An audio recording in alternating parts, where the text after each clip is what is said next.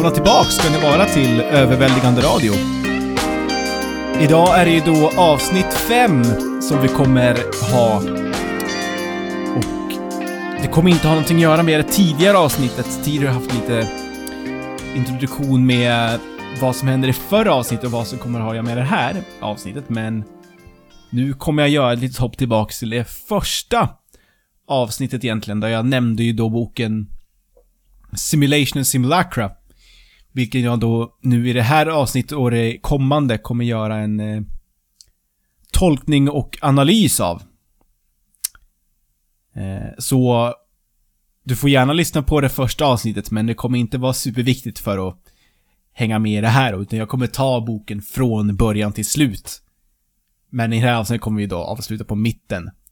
För den här boken, den är då skriven av Jean Baudrillard. Eh, boken blev känd populärt genom filmen The Matrix då, när Keanu Reeves fick läsa boken innan han ens fick manuset till filmen. Och eh, det är en postmodernistisk bok, eller en tolkning på postmodernism. En eh, filosofi är ju det då, om eh, vår värld idag med symboler och med media och sånt där. Så här är väl en... Så här, det blir inte, det blir inte mer cyniskt än så här. så kan jag säga, men han har väldigt mycket att säga till om. Det är väldigt komplicerade koncept han pratar om.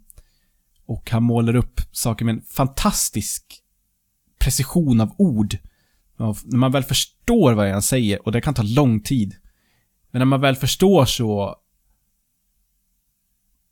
Bara sätter sig som en kadum, bara en hammare bara kommer i huvudet till dig. Vad han säger, bara får man den här klara diabilden i huvudet. När han gör, beskriver analogierna på ett bra sätt. En sida kan ta... Ibland tog det seriöst två timmar att läsa två, tre sidor. För att man behöver läsa om det så många gånger och tänka på vad han säger innan man förstår någonting. Vilket gör ju då att det går inte riktigt att mm, förklara sakerna i helt vardagliga termer. För först och främst är det så komplicerade, komplicerade eh, koncept att du behöver koka ner dem i ett ord som du sen fortsätter att använda. Så förstår du inte ett koncept som jag sen kokar ner till ett ord, då måste du i princip läsa om eller lyssna om om du ska kunna förstå vad jag säger sen. För jag kommer använda det ordet för konceptet. Om man pratar om konceptsimulation och vad det har för karaktärsdrag och hur den interagerar med vår värld.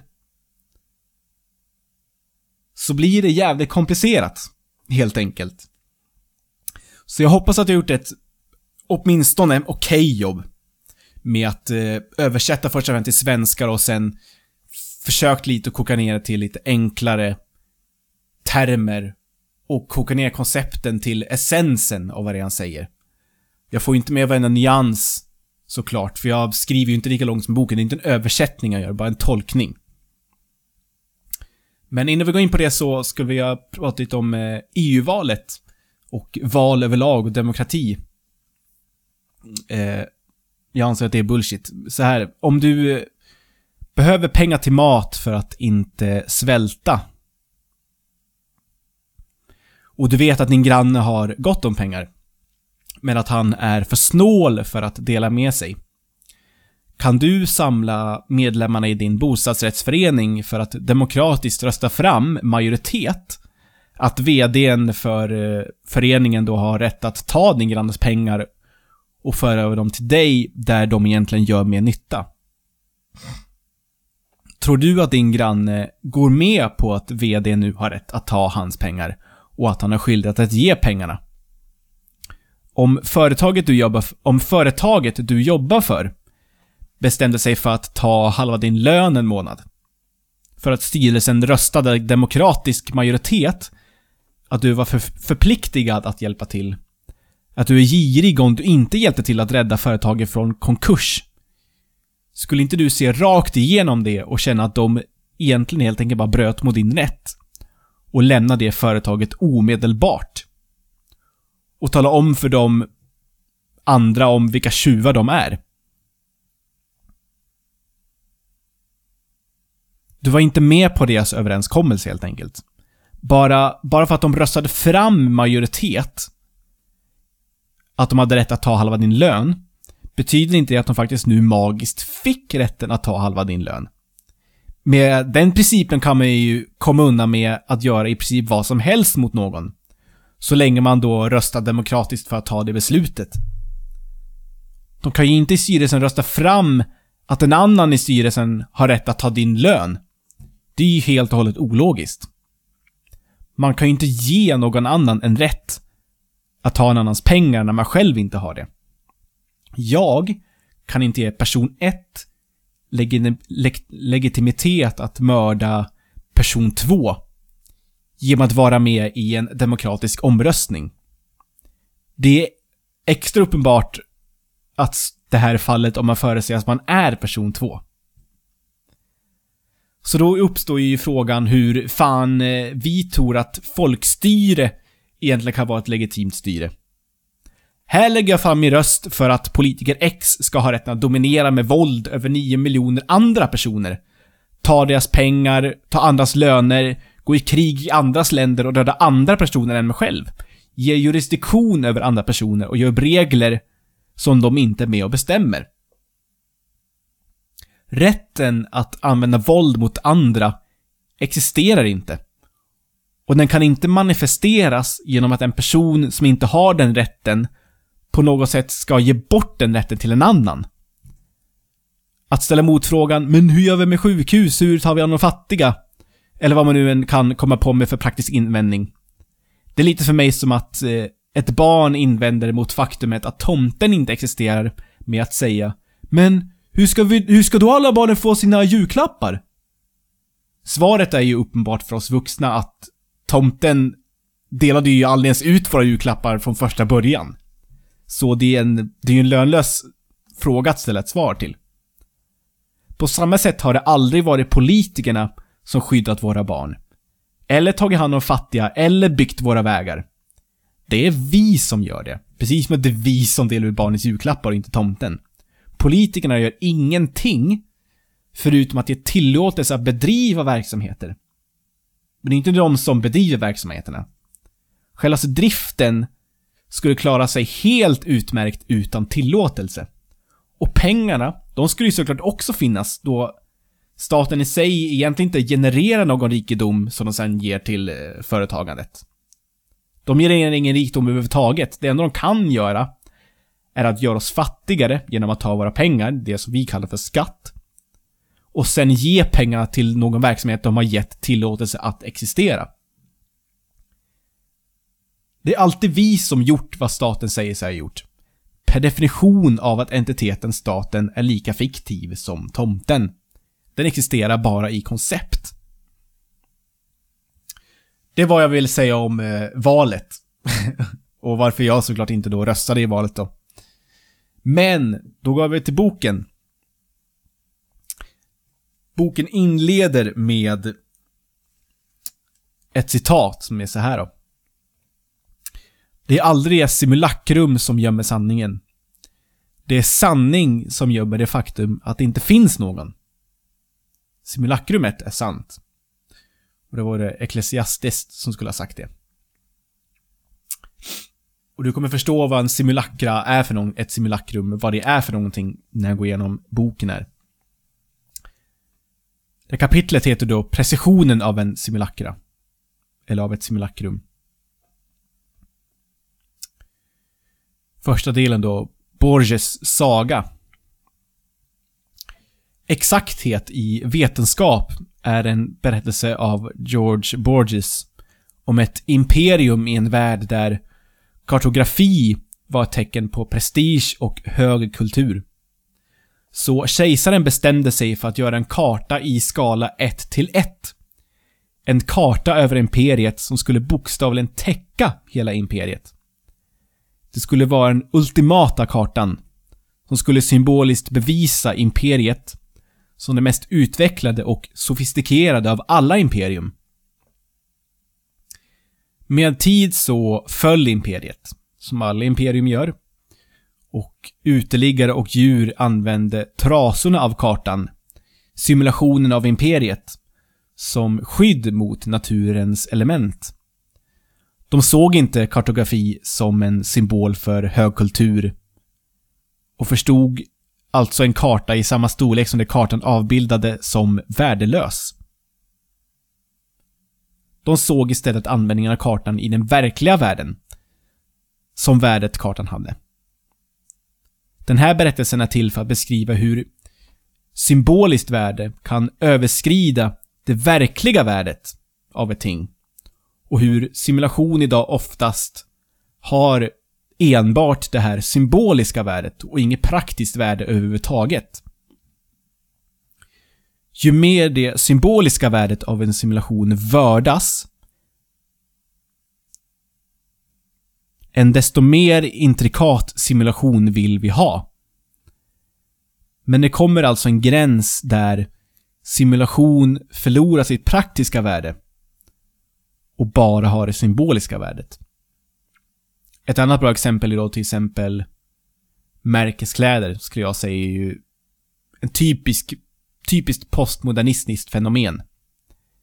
Där vi betalar extra för en tröja, inte för att den är bättre på att göra det en tröja ska göra, utan bara för att det är en symbol på den. Och den symbolen ökar värde på tröjan. Det är en social status. Det sociala är ju också någonting som Baudrillard kommer gå igenom här. Vad det sociala är för någonting. Men Baudrillard menar ju då att vi idag dyrkar simulation så mycket att den, precis som i det här imperiet, helt har förlorat det praktiska syfte simulationen ursprungligen var till för. Han menar att vi idag till och med har omvänt den här berättelsen. Att idag så refererar inte abstraktioner till verkliga naturliga ting. Alltså, våra kartor refererar inte längre vår värld, utan det är vår värld som refererar till kartan. Vi har byggt vår värld efter en mall. Idag refererar vår verkliga abstrakta ting Idag refererar vår verkliga värld abstrakta ting. Som saknar referens eller ursprung i den verkliga världen. Eller ens i simulationens värld. Han menar att vi idag lever i en så kallad hyperreell värld. En värld där verklighet och simulation integreras till en sån grad att de är beroende av varandra. Dagens makthavare har byggt vår värld efter en simulation. En simulation där världen är enkel att kontrollera. Faller simuleringen så faller vår värld. Simuleringen har sån exakthet och precision att dess metafysiska karaktär långsamt har tvinat bort och istället har tagit en hyperreell form. Alltså att den integrerats med vår värld. Distinktionen mellan simulation och verklighet är idag borta. I och med det har vår värld förlorat all sin mening, likt hur kartan i Borges karta förlorade all sin mening i exakthet och precision av verkligheten. Nästa del här heter Den heliga i referensen i bilder. Så Först gör Baudrillard en distinktion mellan simulation och dissimulation. Vilket är väsentligt att förstå om man ska förstå de här vidare koncepten. Att dissimulera någonting, det är alltså att låtsas någonting inte finns eller har hänt, som egentligen då finns eller har hänt. Och simulera, det är ju låtsas att någonting har hänt som inte har hänt då. Skillnaden mellan dessa är att en simulering kan vara omöjlig att avgöra från det verkliga. Till sån grad att man kan bli tvungen att till och med ta det för verkligt. En simulation kan helt utplåna skillnaden mellan sant och falskt, med andra ord. En dissimulering, den utplånar inte den här skillnaden. Att kunna avgöra vad som är sant och vad som är falskt vad Baudrillard kokar ner till ordet verklighetsprincip. Alltså möjligheten att kunna upprätthålla distinktionen mellan verklighet och simulation. Vilket då kvarstår i dissimulering. En dissimulering tar inte bort den här principen av distinktion av verklighet och simulation. Eh, ett praktexempel där simulering utplånar skillnaden mellan sanning och falskhet, där simulation är oskiljbart från vad som är på riktigt, är simulation av sjukdom. Om du ska simulera en sjukdom så är det bara att veta karaktärsdragen av symptomen i den sjukdom du simulerar. I vilken ordning de kommer i och så vidare. Så är det egentligen omöjligt för en doktor eller psykiatriker att veta om du är sjuk på riktigt eller om du bara simulerar. I och med det är det omöjligt att veta om dina symptom har riktigt ursprung eller inte. Så det vore högst orimligt att anta att du simulerar och därmed neka dig ledighet eller medicin. Bordiad gör det mycket intressanta påpekandet att eftersom simulation av sjukdom kan te sig precis likadant som en riktig sjukdom, så simulerar även den på riktigt sjuka sina symptom, så vitt vi vet. Han skrev Om han så är så här duktig på att spela galen, så är det för att han är det. Sen går han över till att diskutera ikonoklaster. En ikonoklast förstör heliga bilder i kyrkor och så vidare. Enligt filosofin de håller så är idén om den heliga kraften som skapat vår fysiska värld så helig och övernaturlig att den omöjligen kan representeras i en så vulgär form som den jordliga. Faktum är att representationen av det heliga inte alls är heligt. Just därför att den är jordlig. Och är därför som att dyrka en falsk gud. Omvänt så kanske de vulgära representationerna av det heliga gjort just det. Tagit bort det heliga från Gud. Och visat det kalla faktumet att Gud kanske i sig var ett simulakrum till att börja med. Det ironiska med dessa ikonoklaster är att det är de som ger bilderna sitt sanna värde. Modern ikondyrkande religion behöver ikonoklasterna. Förutom dem hade bilderna endast tagit bort gudomligheten i konceptet kring en helig skapare. Och den nakna sanningen att Gud själv är, en, är ett simulakrum hade blivit alldeles för uppenbart. Det hade inte blivit overkligt, utan en simulakrum, det vill säga inte utbytt mot verkligheten, utan utbytt mot sig självt. I ett oavbrutet kretslopp utan referens eller omkrets. Sen beskriver han faserna en bild går igenom då.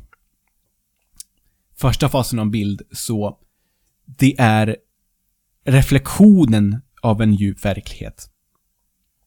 Och den andra fasen, den maskerar och tar bort de naturliga karaktärsdragen av en djup verklighet. Den tredje fasen då, den maskerar avsaknaden av en djup verklighet. Jag säger den igen, för den här är viktig. Den maskerar avsaknaden av en djup verklighet. Och den sista fasen då, den har ingen relation till någon verklighet överhuvudtaget. Den är sin egen rena simulakrum. Och här är nästa del som kallas för Ramses, eller den rosenfärgade återuppståndelsen. I den här delen diskuterar Baudrillard vetenskapens största problem. Att analysera ett subjekt objektivt utan att påverka subjektet. Och alltså inte längre kunna analysera det vetenskapligt. Det första exemplet han drar är etnologi och hur självaste studerandet av vilda stammar förstör det som etnologin ville utforska. Stammarna i sin ursprungliga form innan de ens blev upptäckta. Etnologerna försökte bevara stammen genom vad Baudiade kallar för anti-etnologi. Att stänga in dem i nyplanterad skog, skyddade från etnologerna som upptänkte dem för att bevara dem. De blev nu en simulation av sig själva innan etnologin upptäckte dem. Stammen alltså. Lösningen vetenskapen kommer med är att simulera hur stammen var innan de blev upptäckta. Problemet är att simulation i sin natur varken är sann eller falsk, objektiv eller subjektiv. Simulation har ingenting med den objektiva världen att göra. Den tillhör en annan värld. En annan rymd som inte fungerar som vår. Så om vetenskapen studerar en simulation av ett objekt i sin ursprungliga form, så blir vetenskapen i sig en simulation av hur man studerar ett objekt i sin ursprungliga form. Och motsäger alltså vetenskapens grundpelare. Objektivitet. Ett annat exempel han gör är när man vill studera mumier. Så kan man bara göra det genom att ta upp dem från sin grav där de låg i perfekt tillstånd för att bevaras. Vilket var hela idén med mumifiering. Att de skulle förvaras där som de gudar de var. Så om vi tar bort dem så förloras den meningen. Och då kan vi inte... Ja, själva upptäckten är vad som gör det omöjligt att studera mumifikation på ett objektivt sätt. Eller när man förbjöd besökare att gå in i Lascaux-grottan, en grotta i Frankrike då. I ett försök att bevara den i sin objektiva form. Det gjorde man genom att bygga en exakt rep replika så besökare istället fick besöka och utforska som de ville. Där man genom ett piphål fick en glimt av originalgrottan. Minnet av den riktiga grottan och replikan är exakt likadana och alltså utbytbara mot varandra. Minnet av den riktiga grottan är i praktiken då egentligen också nu en simulation. Eftersom att den är alltså omöjlig att urskilja från kopian. Så för att bevara objektivitet så simulerar man objektivitet. Vilket är vetenskapens inneboende ironi. Baudrillard kritiserar det faktum att vi i västerländsk kultur vördar upptäckt och vetenskap i sån grad att vi värderar upptäckten före vad det är vi faktiskt egentligen har upptäckt.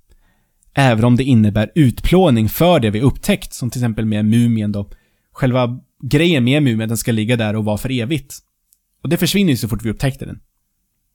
Vi simulerar desperat upptäckten innan dess upptäckt för att gömma det faktum att upptäckten i sig gör subjektet meningslöst i vetenskap. Den blir en simulation av den tredje graden alltså. Den maskerar avsaknaden av en djup verklighet. Han kokar ner det i en slutsats så här. Allt eftersom etnologi kollapsar i sin klassiska institution så överlever den i en anti-etnologi vars uppgift är att återskapa låtsasfiktionen. Vildefiktionen överallt. För att gömma att det är den här världen, våran, som har blivit barbariskt i sitt sätt. Vilket krossas genom skillnad och död. Så, och nästa del här då heter Det hyperreella och det imaginära. Där han pratar om Disneyland. Och hur Disneyland då den är ju så uppenbart att det är bara fantasi. Och eh, det blir som att det står då kontrast med det som ska vara utanför Disneyland, som att när man går från det verkliga livet då, in i Disneyland så känns det att man kommer in i fantasivärlden och då när man kliver ur igen så är det som att man ska komma in i verkligheten igen då. då. Men den här avgränsningen är då, det är en simulerad avgränsning. Den simulerar verklighetsprincipen Alltså kunna avskilja verklighet från simulation. Så här. Det här segmentet är populärt att använda som referens till den här boken då. Då den tydligt beskriver syftet med simulation. Och särskilt dess tredje grad, I det här fallet att maskera avsaknaden av verklighet utanför Disneyland. Det första, viktigaste och mest uppenbara när det kommer till Disneyland är hur det är en helt en värld av simulakra. Ingenting mer är referens till den verkliga världen. Vilket får att verka som att det som står i kontrast med det utanför är verkligt. Man kan säga att Disneyland dissimulerar USAs avsaknad av verklighet. Genom att ge en skepnad av att kunna avskilja verklighet och simulation. Men där självaste avskiljningen i sig är en simulation. Den här simulerade avskiljningen ger mer liv åt simulackerna på utsidan av Disneyland. Det är en populär metod för att simulera en verklighetsprincip. Alltså att simulera, att kunna ge sken av att man skulle kunna urskilja verklighet från fantasi. Vilket Baudrillard med visar kan appliceras på flera ställen i den politiska sfären.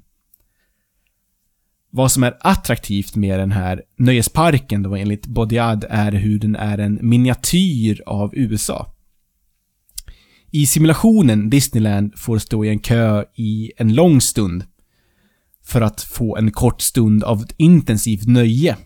Precis som du arbetar ihop pengar, sitter i en bil för att hitta nöjen, i det här fallet då en nöjespark, i det verkliga livet. Värderingarna i det här fantasilandet speglar mycket väl USAs värderingar. Frågan är vad som kom först egentligen. Hönan eller ägget? Anordningarna i Disneyland för att attrahera folk och få dem i liv och rörelse är i överflöd där inne. För att då stå i kontrast med den enda anordningen som behövs för att skapa total tomhet och tomhet precis utanför på parkeringen. Vilket då var bilarna. Den kontrasten hjälper till att simulera den här avgränsningen då. Den mekanismen som är hela syftet med fantasiparken.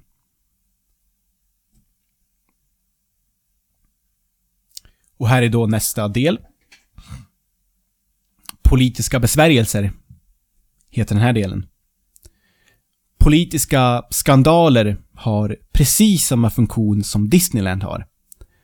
Bara att istället för att dissimulera avsaknaden av verklighet utanför parametrarna av ett fysiskt område, alltså nöjesparkens väggar, så pratar man nu istället om att dissimulera avsaknaden av moral utanför parametrarna av en politisk skandal.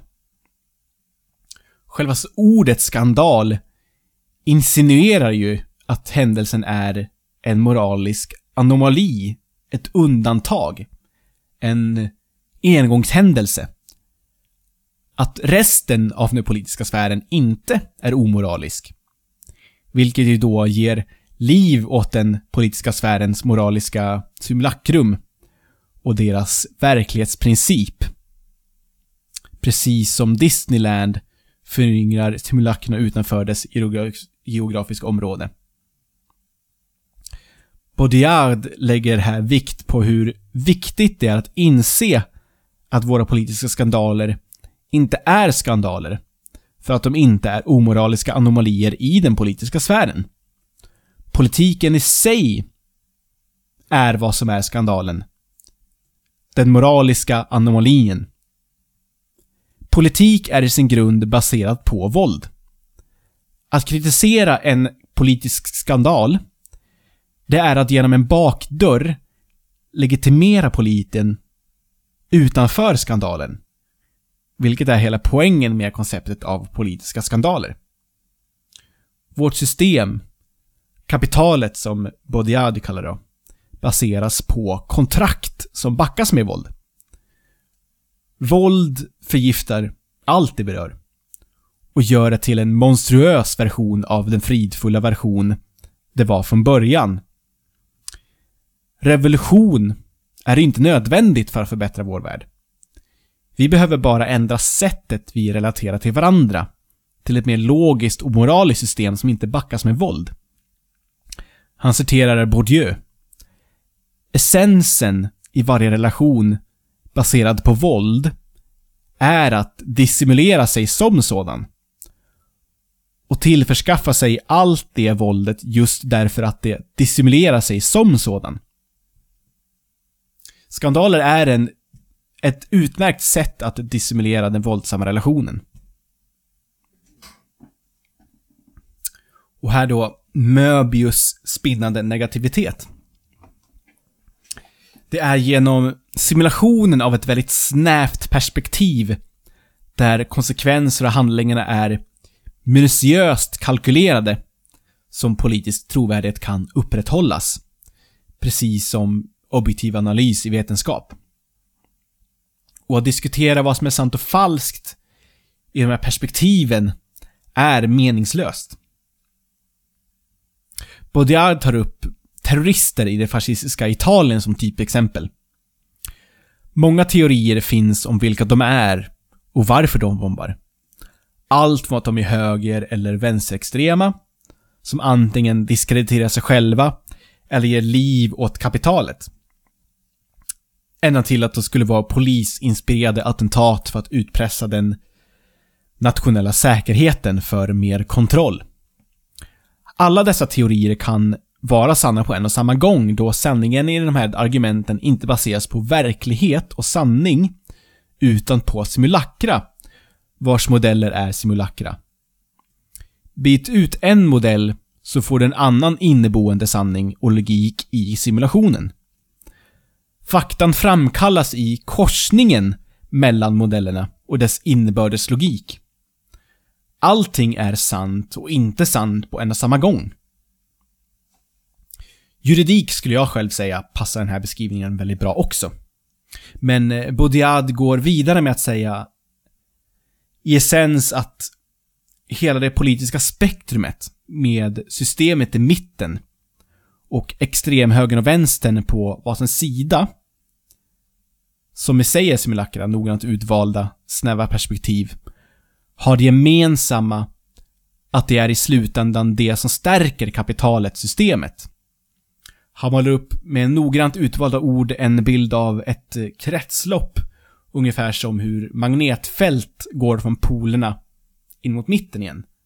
Där polerna då är de extremaste avvikelserna från det politiska systemet. Alltså extrem höger och extrem vänstern. Med kapitalet i mitten då. Här är ett citat som man skrev. Det är alltid en fråga om att bevisa det verkliga genom det fiktiva. Bevisa sanning genom skandal.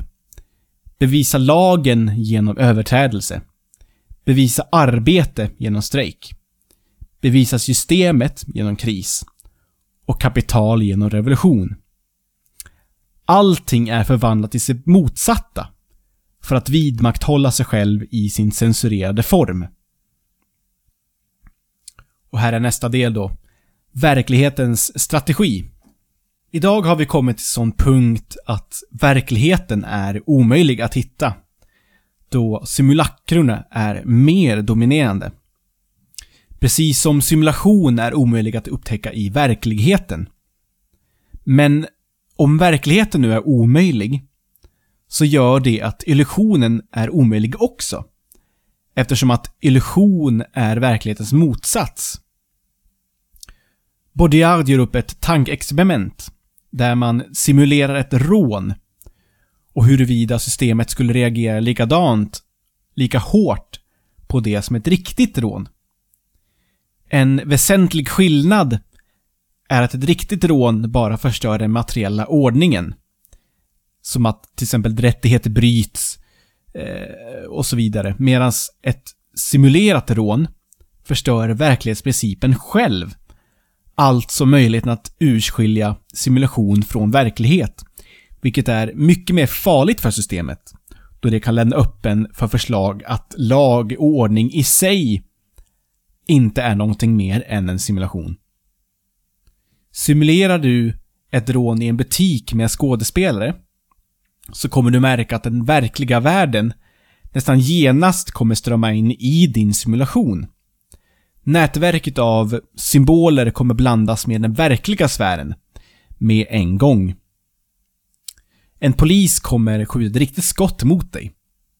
Någon kund som inte var med i simulationen får en hjärtattack och dör. Du kommer ofrivilligt att hamna i det riktiga igen. Eftersom att det, är, det riktiga är så dominerande och bara fungerar i sin egen domän. Precis som perfekt simulerade symptom av en sjukdom helt enkelt måste tas som en riktig sjukdom, så kommer kännetecknen för ett rån tas som ett riktigt rån. Kännetecknena lutar både åt verklighet och simulation på en och samma gång och förstör alltså verklighetsprincipen. Din låtsaskupp kommer kanske att dömas för någonting mindre än ett rånförsök. Kanske åsamma, åsamkad trauma på de som inte var med i simulationen. Eller det massiva polispådraget som visar sig vara helt onödan. Men du kommer aldrig att dömas för simulering av brott. Hur kan man döma simulation av dygd eller brott? Ingen har ju på riktigt påverkats av det som skedde i sådana fall. Som simulation är både dygd och brott lika allvarliga. Simulation gör skillnaden mellan dygd och brott likvärdigt. Och det är det som är det mest allvarliga brottet. För det neutraliserar självaste skillnaden som lagen är uppbyggd på. Tyngden av verkligheten kommer kollapsa din simulation. Simulationen är omöjlig att isolera och peka ut. Detsamma gäller då också för den omvända situationen. Verklighet kollapsar när den är omgiven av simulation. En egenskap simulation innehar som simulatorerna är mycket väl medvetna om och utnyttjar. Och idag är verkligheten omöjlig att isolera. Han liknade mord av presidenter med politiska kriser i det att de är ritualistiska mord av politisk makt. När makt försvagas så simuleras dess död för att ge den en till dimension i simulationen. Den extra dimensionen gör simulationen mer verklig. Precis som verkligheten är dömd att verka i dualism.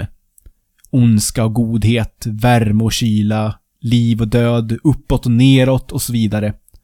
Så är simulationen dömd att efterlikna den här principen. Och den ska överleva sin egen död.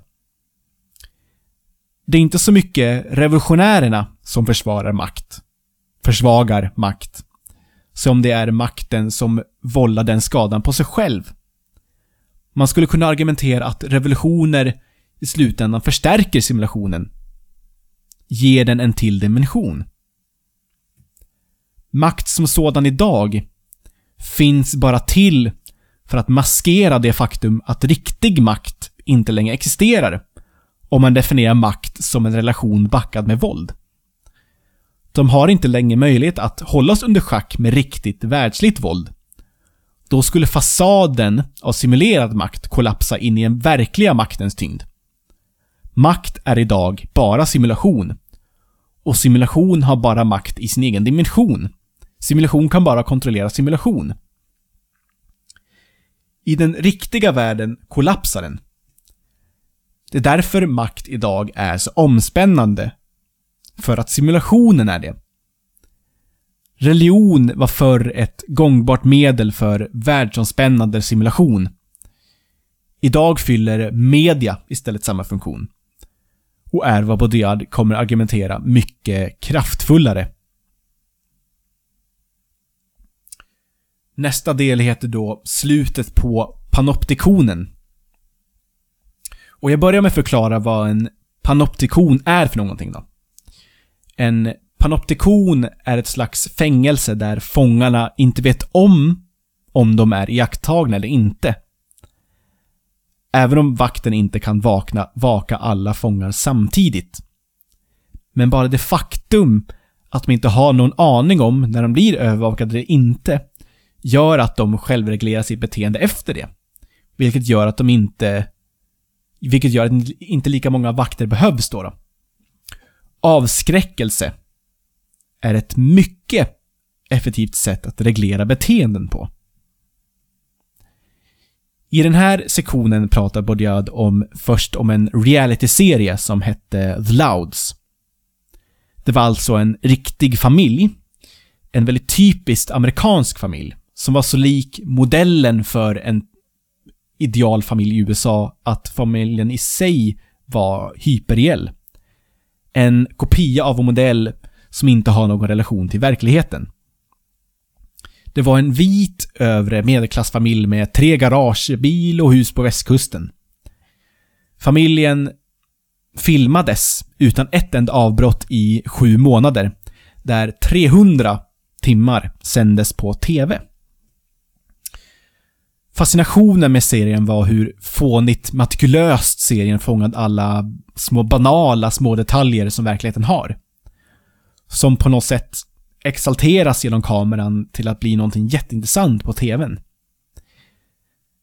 Det är intressant att det kallas för reality-TV, verklighets-TV, då serien egentligen bara är en simulation. Till och med familjen som kameran försöker fånga blir en simulation i och med kamerans blick. När Louds filmar slutar den verkliga familjen existera, utan istället utan blir istället en simulation av sig själv, där de inte är filmade.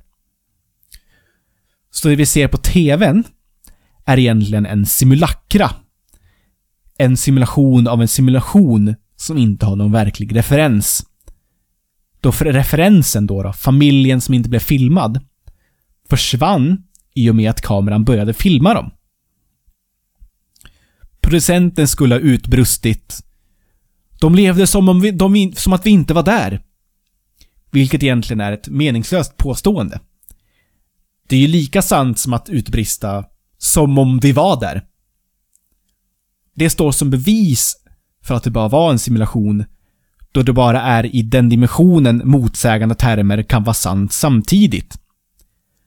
Axiomet sanning och falskhet kollapsar och blir samma sak.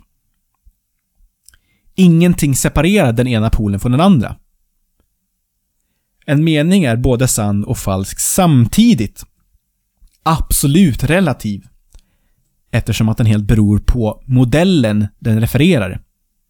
Som egentligen då kan bytas ut när som helst. Verklighets-TV är en tvetydig term.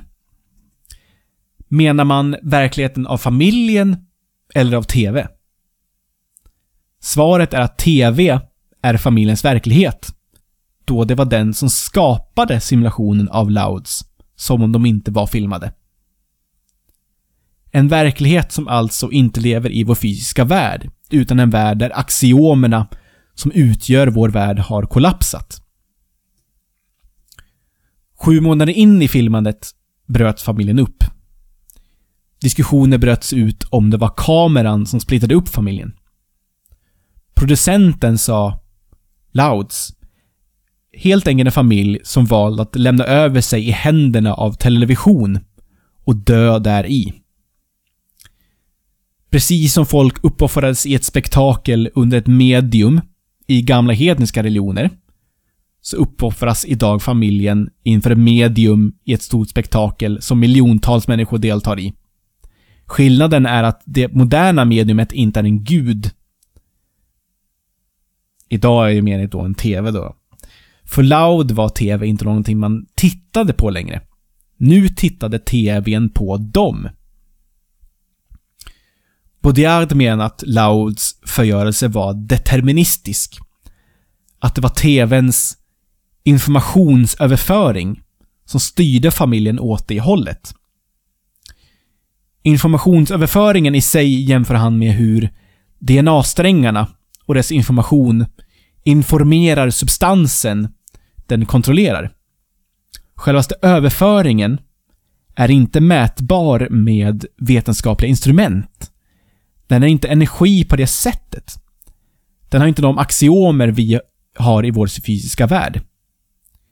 Intressant är att Einstein definierade den fjärde dimensionen som implosion av distinkta poler av tid och rum orden vi sätter på konceptet, order, signal, impuls, meddelande, att det är så DNA-strängen kommunicerar med eh, materia den kommunicerar med. Allt det är koncept som vi kommit på för att försöka förstå ett koncept som är helt utom vår räckvidd. Skillnaden då mellan passiv och aktiv när det kommer till familjen Laut och TV är helt borta. Precis som rätt och fel och sant och falskt är borta. Det är konceptuellt likvärdigt med hur sändare och mottagare försvinner i simulationens värld. Kamerans blick informerade familjen om dess närvaro och determinerade därigenom familjens framtid. Men den här informationsöverföringen hade ingen extern världslig energi till sig. Den har ingen källa man kan lokalisera. Informationsöverföringens energi kom från mottagaren. Baudiard skrev så här då, då. Det är nu omöjligt att ställa den kända frågan Från vilken position talar du? Hur vet du? Varifrån får du din energi? Utan att höra det omedelbara svaret Men det är av dig som jag pratar. Vilket alltså betyder att det är du som pratar. Du som vet, du som är energin. Svaret till frågan han ställer svarar man helt enkelt med Men det är du som är svaret. Eller Din fråga är redan svaret. Det är vad som händer när polerna mottagare och sändare försvinner. Nästa del heter då det i omloppsbana och det nukleära. Det ironiska med konceptet av atomvapen är att de är så sofistikerade i sitt ändamål, förgörelse, att själva sofistikationen överträffar ändamålet. Självaste hotet om total annihilering är så stort att det förhindrar en riktig nukleär sammandrabbning. Precis som det riktiga i en värld av symboler. Precis som panoptikonen har en oavbruten avskräckande effekt på fångarna, eller kameran på familjen Louds, så har atombomben en kontinuerligt avskräckande effekt på verkligt motstånd. Det okända är den variabel av simulation som gör kärnvapnet till det av en hyperiell form. Det vill säga att du inte kan avgöra när kärnvapenhotet är simulerat eller inte. När det är riktigt eller inte. Vilket är vad simulation gör med verklighet, förstör verklighetsprincipen. De enda krigen som sker är de krigen man kan kontrollera. Där risken är utplånad. Själva konceptet av en atombomb installerar ett globalt säkerhetsnät Baudiard väljer att kalla för fredlig samlevnad. En simulerad sån då. En simulakra av fred baserad på den hyperreella aspekten av kärnvapen. Där den avskräckande effekten inte alls handlar om att förhindra sammandrabbning av krig i sig, utan att avskräcka spontana, riktiga event som kan störa balansen i systemet som är uppsatt. Alla som lever i den här fredliga samlevnaden gör det för att, även om de är tävlande supermakter, som har de ett större intresse gemensamt, än om de har saker mot varandra. Det är att skapa en socialitet bland folket som är kalkylerat och styrt in i minsta detalj för att minimalisera oväntade förhinder som förstör systemet som har byggt upp för, för att kunna kontrollera oss. Atombomben är ett nästintill perfekt verktyg. Så länge den håller sin hyperreella form. Det vill säga att den aldrig faktiskt går av. Går den av så är det en riktig konflikt. Och, och förlorar då alltså sin hyperreella form. Och det är just det de vill förhindra. De vill hålla den i sin hyperreella form hela tiden, för det är där de håller oss i schack. Precis som internationell spekulering av kapital och fluktueringarna som medföljer räcker för att kontrollera eller förgöra all kapital, som såklart inte har någonting med riktig förgörelse att göra, så cirkulerar självaste konceptet av atombomben runt bland de som behöver använda den för att kontrollera eller förgöra allt riktigt våld. Likt hur pengar flyter runt världen då. Rent konceptuellt är nu inget riktigt motstånd eller avvikelse från kapitalet längre än möjligt enligt sin egen logik, då en riktig avvikelse riskerar total annihilering. Baudrillard sammanfattade vad detta innebär så här. Den politiska risken är nu borta. Bara simulakra av konflikter och noggrant kontrollerade risker kvarstår. Kapprustningen mellan USA och Ryssland handlade dock inte bara om atomvapen.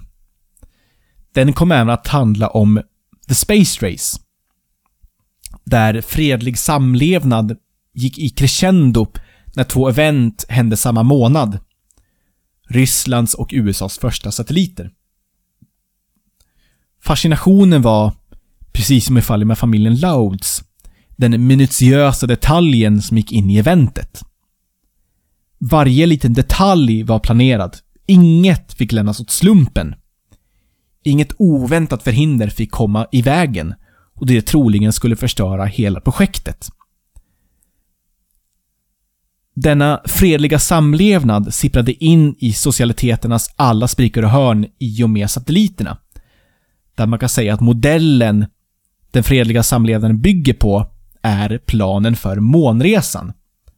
Vår socialitet, ska, vår socialitet ska alltså vara lika minutiöst planerad så att ingenting kan gå fel som månresan. Satelliterna kan simulera och programmera i sådan detalj och programmera på så sätt det sociala in i minsta detalj. Så här skrev Baudillard. All energi, alla event absorberas av den här excentriska gravitationen. Allting förtätas och imploderar mot den enda mikromodell av kontroll då den arbiträr, orbiträra satelliten och omvänt i den andra biologiska dimensionen. Allting strålar samman på den molekylära mikromodellen av den genetiska koden.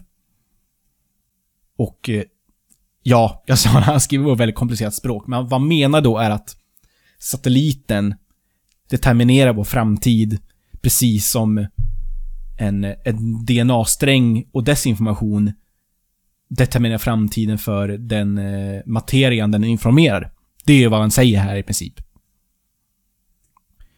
Konflikten i Vietnam anser många vara USAs största militära blunder. Men om det verkligen var ett misslyckande i USAs planer för expansion kan man undra varför det inte fick mer ödesdigra konsekvenser för polit politiken i landet. Troligen för att, som vi sa tidigare, att de enda krig som ens kan ske är krig man kontrollerar. Per definition av vad man är kapabel till genom kärnvapnet. Även om USA gav upp och drog sig ur konflikten och lät kommunistiska ta kommunisterna ta över, som vann dem på ett annat sätt. Det de vann var fredlig samlevnad. Så fort gräsrotsrörelsen, det okalkylerade motståndet, var utplånat och konflikten bara var mellan militärerna, kunde USA låta kommunisterna ta över. Deras gemensamma intressen blev då större än skillnaderna. Det gemensamma intresset är utplånandet av risker, oväntade händelser och byggnation av en in i minsta detalj planerad socialitet, vilket innebär utplåning av stammar, språk och symbolisk organisation och sociala strukturer utanför och innan den kapitalistiska. Så alltså, om man... Om jag ordar om det lite utan att läsa texten så... Eh, gerillan då, som de slåss, slogs mot först, den ursprungliga befolkningen, de var ju inte ute efter att kontrollera befolkningen. De hade inte intresset av att bygga den här minutiöst kontrollerade socialiteten då. Medan det hade ju kommunisterna. De ville ha ett totalitärt samhälle. Och det kan man bara ha genom att ha en minutiöst kontrollerad socialitet. Så när de var de enda som fanns kvar, så ville ju de då samarbeta med USA och systemet som redan hade den här socialiteten så väl planerad. Den gick då kommunisterna in i, så de kunde kontrollera befolkningen i Vietnam på ett bra sätt. Eh, ska vi se vad... Målet med kriget handlade alltså inte om militärt vinna eller förlora. Baudrillard skrev “Det som inte finns längre är motståndet bland motståndare. Verkligheten i antagonistiska kall. Eller det ideologiska allvaret i krig. Och även verkligheten i vinst och förlora, då kriget triumferar långt bortom det, dessa yttre sken. Kommunisterna var alltså, i, om man ser på det här sättet, så var de inte verkliga motståndare mot USA. För de hade egentligen ganska mycket gemensamt här i att skapa en minutiöst kontrollerad socialitet. Det vill alla som är totalitära stater. Historia. Ett retroscenario. Den här simulerade freden och därmed den simulerade konflikten och därmed simulation av risker och därmed i slutändan av simulerad historia är en del av varje detalj av vår vardag och saknar i sin simulatoriska karaktär all mening. Vi som befolkning attraheras till tiden innan våra referenser var simulakra. Då vi åtminstone hade historia. Då vi åtminstone hade våld. Även om det var fascistiskt våld. Likt hur fetischisten attraheras av det föremål han i sitt medvetande innan han insåg könsskillnader i flickor och pojkar attraheras vi av tiden innan simulering, simulerad fredlig samexistens, då narrativet ändå fördes framåt. Den monotona vardagliga freden får oss att nostalgiskt titta tillbaka på tiden innan simulerad samexistens. Vilket i vårt fall är särskilt det första och andra världskriget. Event som återskapas otaliga gånger i film och kan vara de populäraste historieämnena i skolan. Fascinationen med denna bit av historia har ingenting med samhällelig medvetenhet och utbildning att göra. Värdet folk får ur dessa berättelser är först och främst nostalgi för en förlorad referens. Dessa kopior av simulerade historiska event i sin exakthet och precision, i sin tekniska förmåga, blir mer verkliga än självaste eventet. Precis som simulation av gamla filmer nästan inte kan motstå att överklassa originalet i att fånga erans anda. Till och med dess tekniska prestation. Dessa tekniska prestationer kan såklart vara en del av konsten. Men när konsten i sig är historia utan referens, kan fascinationen av den teknologiska prestationen, den kalla kalkyleringen med ettor och nollor, dissimulera avsaknaden av referens. Förintelsen.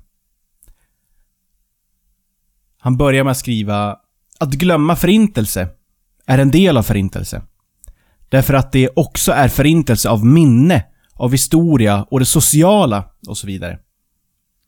Det här bortglömmandet är lika essentiellt som eventet i sig. Som hur som helst är omöjligt att lokalisera för oss. Oåtkomligt för oss i sin sanning.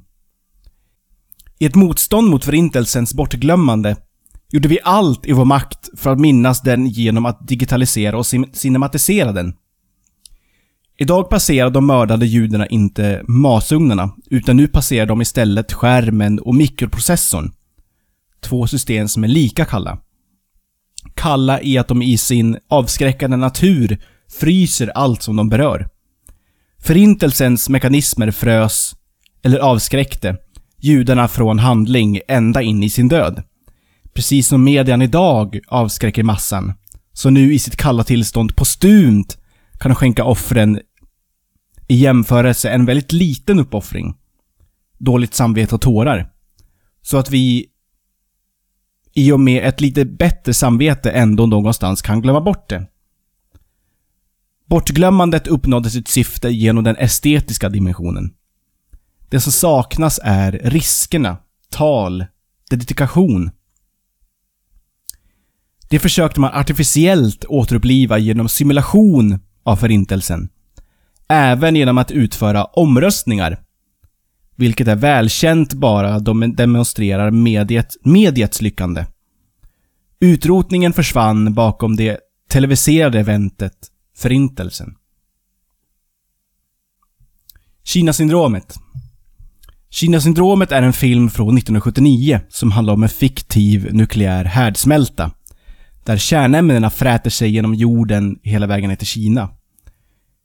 Det mystiska med filmen är inte filmen i sig, utan att det 12 dagar senare faktiskt sker en olycka på Three Mile Island.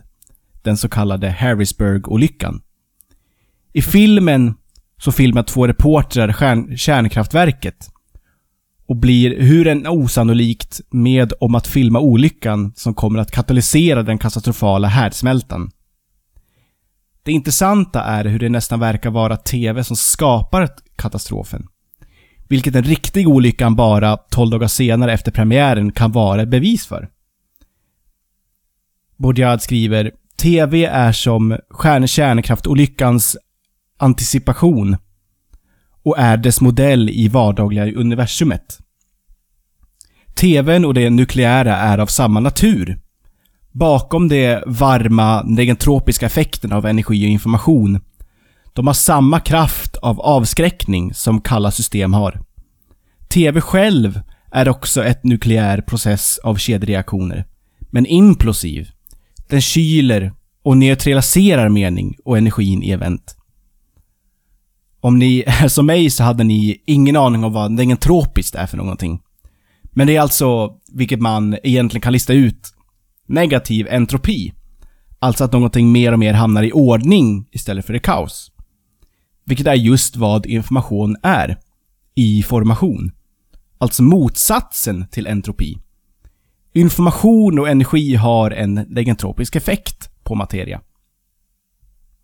Även om den här boken kan vara en riktig, alltså en riktig röv att läsa ibland alltså, så måste jag beundra det fantastiskt målande språket som Baudrillard använder. Det nukleära och film kommer från samma familj, vilket kan ses i dess likadana komponenter. Han skriver “Ingenting liknar kontroll och telekommando huvudkontoren i nukleära kraftverk mer än de i TV-studion. Och de nukleära konsolerna är kombinerade med dem i inspelnings och sändningsstudiorna. I och med så tät kronologisk ordning så är det nästan oemotståndligt att inte se en magisk länk mellan filmen och incidenten. Länken är såklart inte kausal, utan en mer subtil, smittande analogi som länkar det riktiga till modeller och till simulakra. Länken är citat, televisionens induktion av det nukleära, inte filmkorresponderare, med en oroväckande uppenbarhet. Filmens induktion av kärnkraftolyckan i Harrisburg. Det riktiga korresponderande punkt för punkt med simulakrumet. Till och med den avslutade, ofärdiga karaktären av katastrofen. Vilket är väsentligt hur avskräckandets synvinkel. Det riktiga arrangerade sig själv, i filmens bild, för att producera en simulation av katastrof. Nukleär verklighet uppstår från televisionseffekten. Och i verkligheten uppstår Harrisburg-olyckan från Kina-syndromeffekten. I båda scenarierna var det den direkt mänskliga faktorn som spelade in för att skapa olyckan. Det var inte mekaniskt fel som var orsaken, utan avvikelse från säkerhetsprotokollen.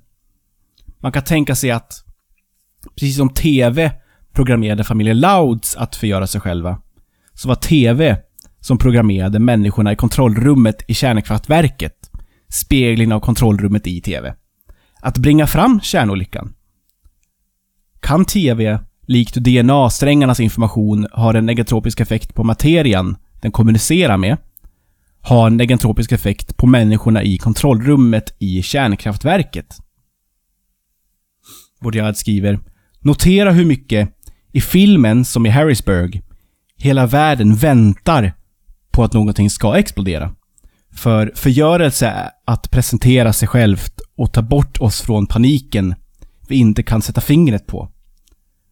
Från den här paniken av avskräckning som den utövar i den osynliga formen av det nukleära.